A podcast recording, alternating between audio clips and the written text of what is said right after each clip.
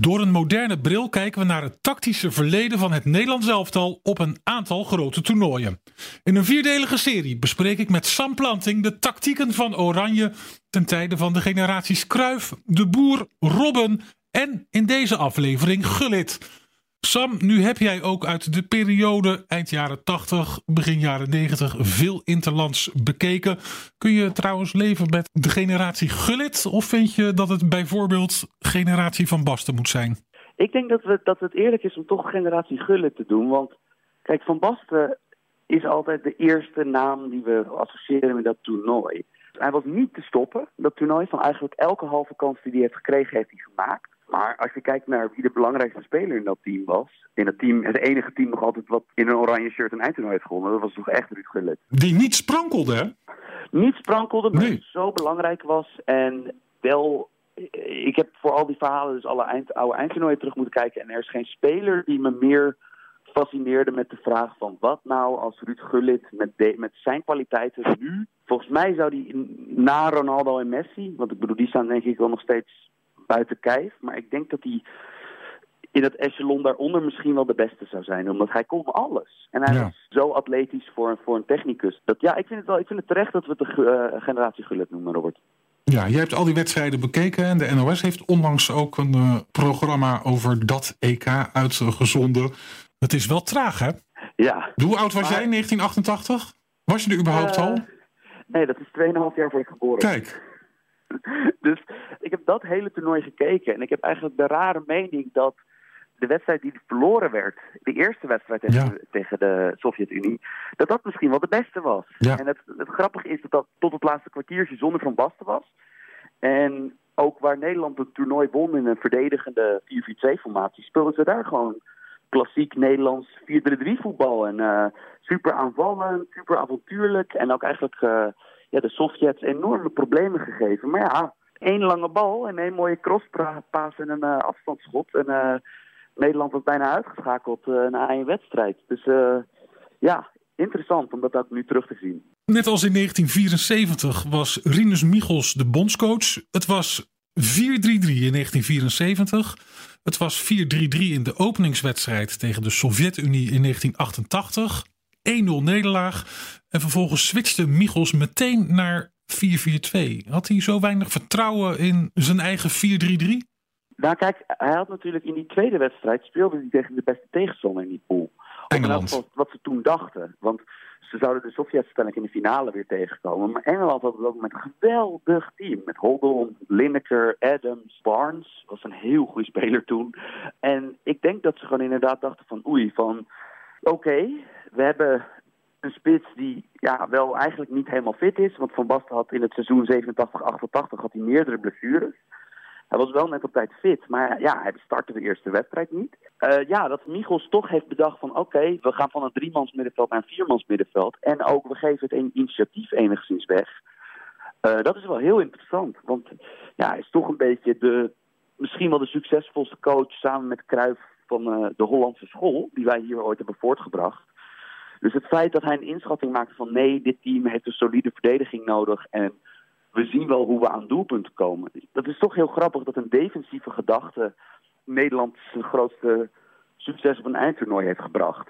Ja, wat leuk is hè, als je die wedstrijden terugkijkt, is dat onze huidige bondscoach Ronald Koeman befaamt om inschuiven en een keihard schot. Hè, dat dat wel heel vaak ook gebeurde in al die wedstrijden. Dat Koeman in ja. stelling kon worden gebracht. Was Koeman tactisch toch wel heel slim ook, als voetballer? Zeker. Kijk, het grappige was, dit was dus een team wat redelijk voor Nederlandse begrippen redelijk verdedigend speelde. Maar aan de bal had je met Koeman en Rijkaard, ook twee spelers die ook in de wereldtop hebben gespeeld op het middenveld, als, als controleurs daar. Er was zoveel voetbal in dat centraal duo. Dat Rijkaard heeft, had iets ja, ik zit even na te denken welke, of we überhaupt een verdediger hebben die zo sierlijk voetbalt op dit moment in de wereldtop. Ja, ik, ik heb moeite er in elk geval eentje ja, te verzinnen. ik ook.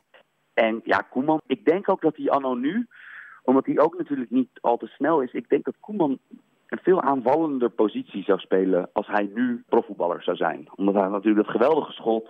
En dat was inderdaad grappig. Dat zijn toch de twee spelers die aan de bal het meeste opvielen.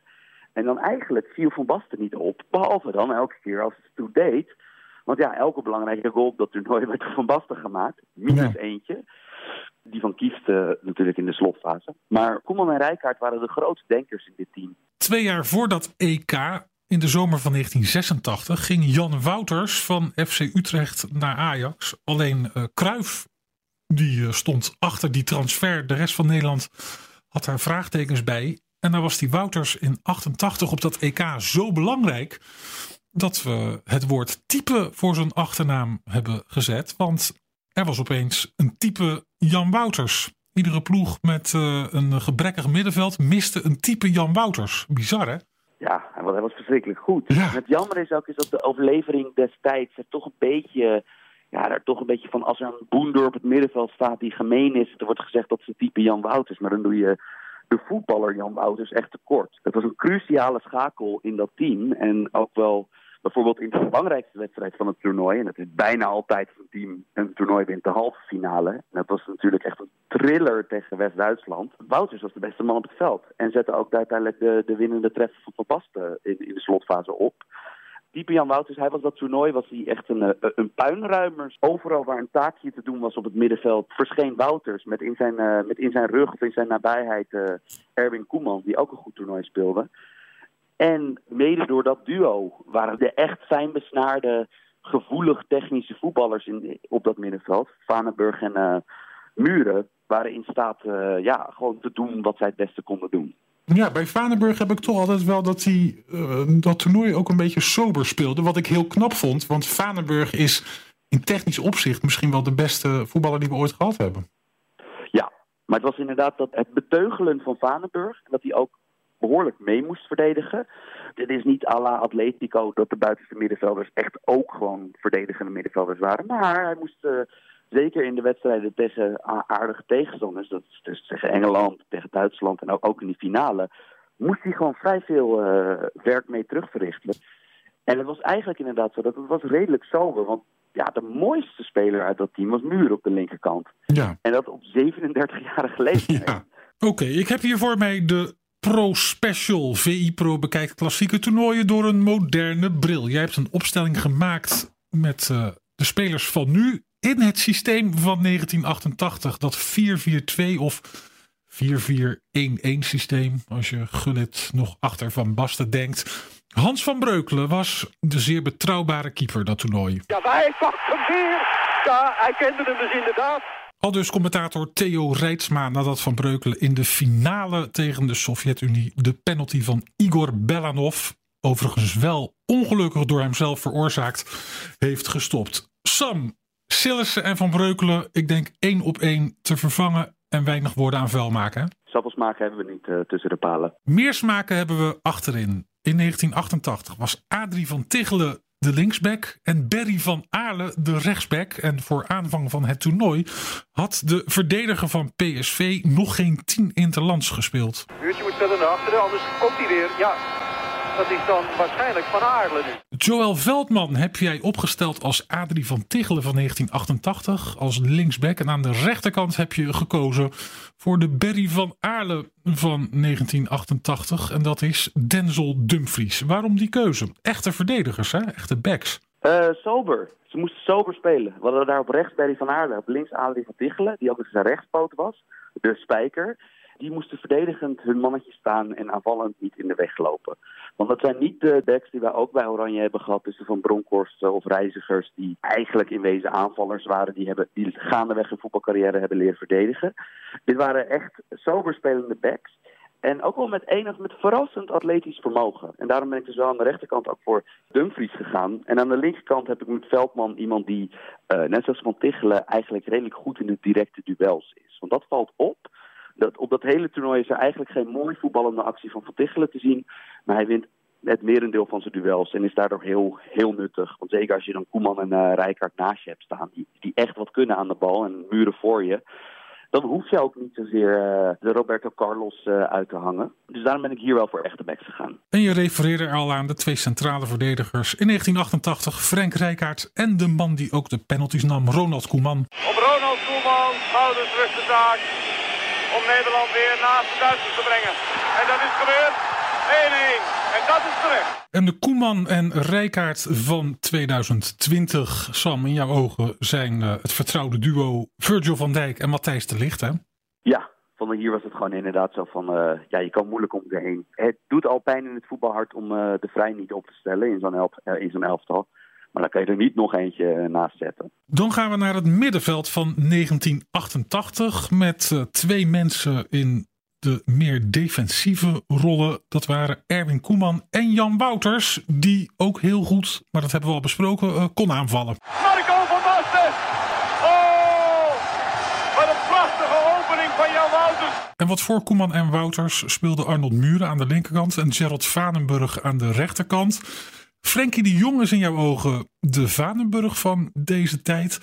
En daar is hij weer, zoals uh, we het uh, WK-team van 1974 invulden met Daley Blind op de plek van Willem van Hanegem. Kies jij nu voor Daley Blind op de plek van Arnold Muren? Ja, want hier is het toch zo dat Muren uh, geweldige linkerpoot. Maar Muren maakte natuurlijk niet per se meters. Vandaar had hij Gullit voor. En in dat geval is het dus toch weer de vraag van, nou ja, wie is de beste passer in dit team? En dan kom je bij Oranje toch wel uit bij, ja, Daley Blind of Frenkie de Jong. Maar Frenkie de Jong hebben we al een andere rol op het middenveld staan. Ja. Dus ja, wederom mag Daley Blind weer aan de slag. In een aanvallende rol, maar dit keer wel in een wat conservatiever middenveld. Dus uh, sorry Daley, maar, maar uh, in, in, in rol als bij Ajax ga je niet uh, gezet worden in, in deze retro-reeks. Nee, uh, aan de andere kant zet jij Frenkie de Jong op de plek van Gerald Vanenburg. Yes, want je moet natuurlijk ergens in dit defensief solide team... moet je je technisch beste voetballer kwijt. Want dan is het toch inderdaad wel uh, moeilijk om met je ogen te knijpen... en Frenkie de Jong in een rol, in een heel dienende rol... als die van Wouters of uh, Erwin Koeman te zien. Dan kom je toch inderdaad uit bij een vrije rol op, op een viermans middenveld aan de flank... Maar dat is op zich, we hebben voorbeelden in, in, het, in het echte leven daarvan. Wat bijvoorbeeld uh, Iniesta werd een paar jaar geleden ook nog aan de linkerkant van het viermans middenveld gezet bij Barcelona. Koken bij uh, Atletico Madrid staat op papier rechtsbuiten, terwijl hij een wezenlijk spelmaker is. Dus ja, dat, we, hebben voorbeelden ervan. En ook Frenkie mag dit keer weer op een lekker onnatuurlijke rol spelen. Oké, okay, de Roon en Prupper mogen naast elkaar de verdedigende taken uitvoeren. Hè? De Roon is een beetje de Jan Wouters van nu? Ja, en ook in de zin dat de Roon misschien niet helemaal het krediet krijgt voor wat hij aanvallend kan. Naast zijn goede, echt uitstekende verdedigingswerk. Want de Roon speelt op het middenveld bij misschien wel de mooist voetballende ploeg in Europa. In Atalanta Bergamo. En dat zou je niet kunnen als je er geen klap van kan. Dan hebben we nog uh, twee posities over. Die van Gullit en die van Van Basten.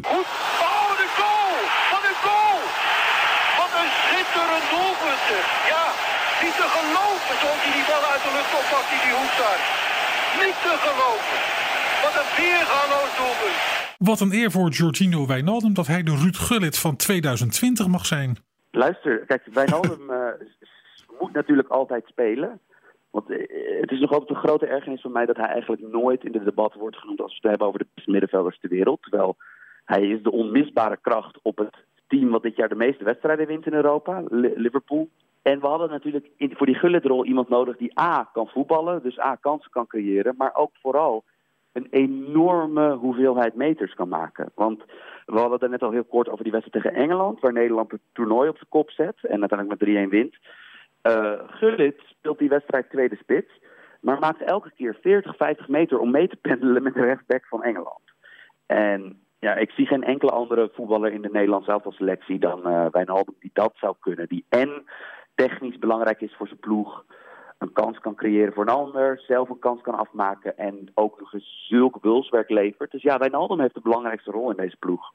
Oké, okay, en uh, Memphis uh, vervangt Van Basten één op één? Zeker. Van, ja, je moet gewoon daar moet je dan kiezen voor wie vertrouw je het meest om één, om één kans, de alles of niet kans af te maken. En dan is het op dit moment nog wel Memphis. Uh, Boadu timmert natuurlijk zeker aan de weg. En ook Donjan Malen voor zijn blessure. Maar uh, ik denk dat je daar uh, niet om Memphis heen kan. De 1988 variant ziet er dus als volgt uit. Sillissen in het doel. Achterin vanaf rechts Dumfries, De Licht, Van Dijk en Veldman. Op het middenveld Frenkie de Jong, Prupper, De Roon en Blind. Wijnaldum staat achter Memphis en dat zijn de twee meest aanvallende spelers in dit team. Sam, met deze formatie en deze spelers, zou Oranje met een goed gevoel aan een eindtoernooi mogen beginnen?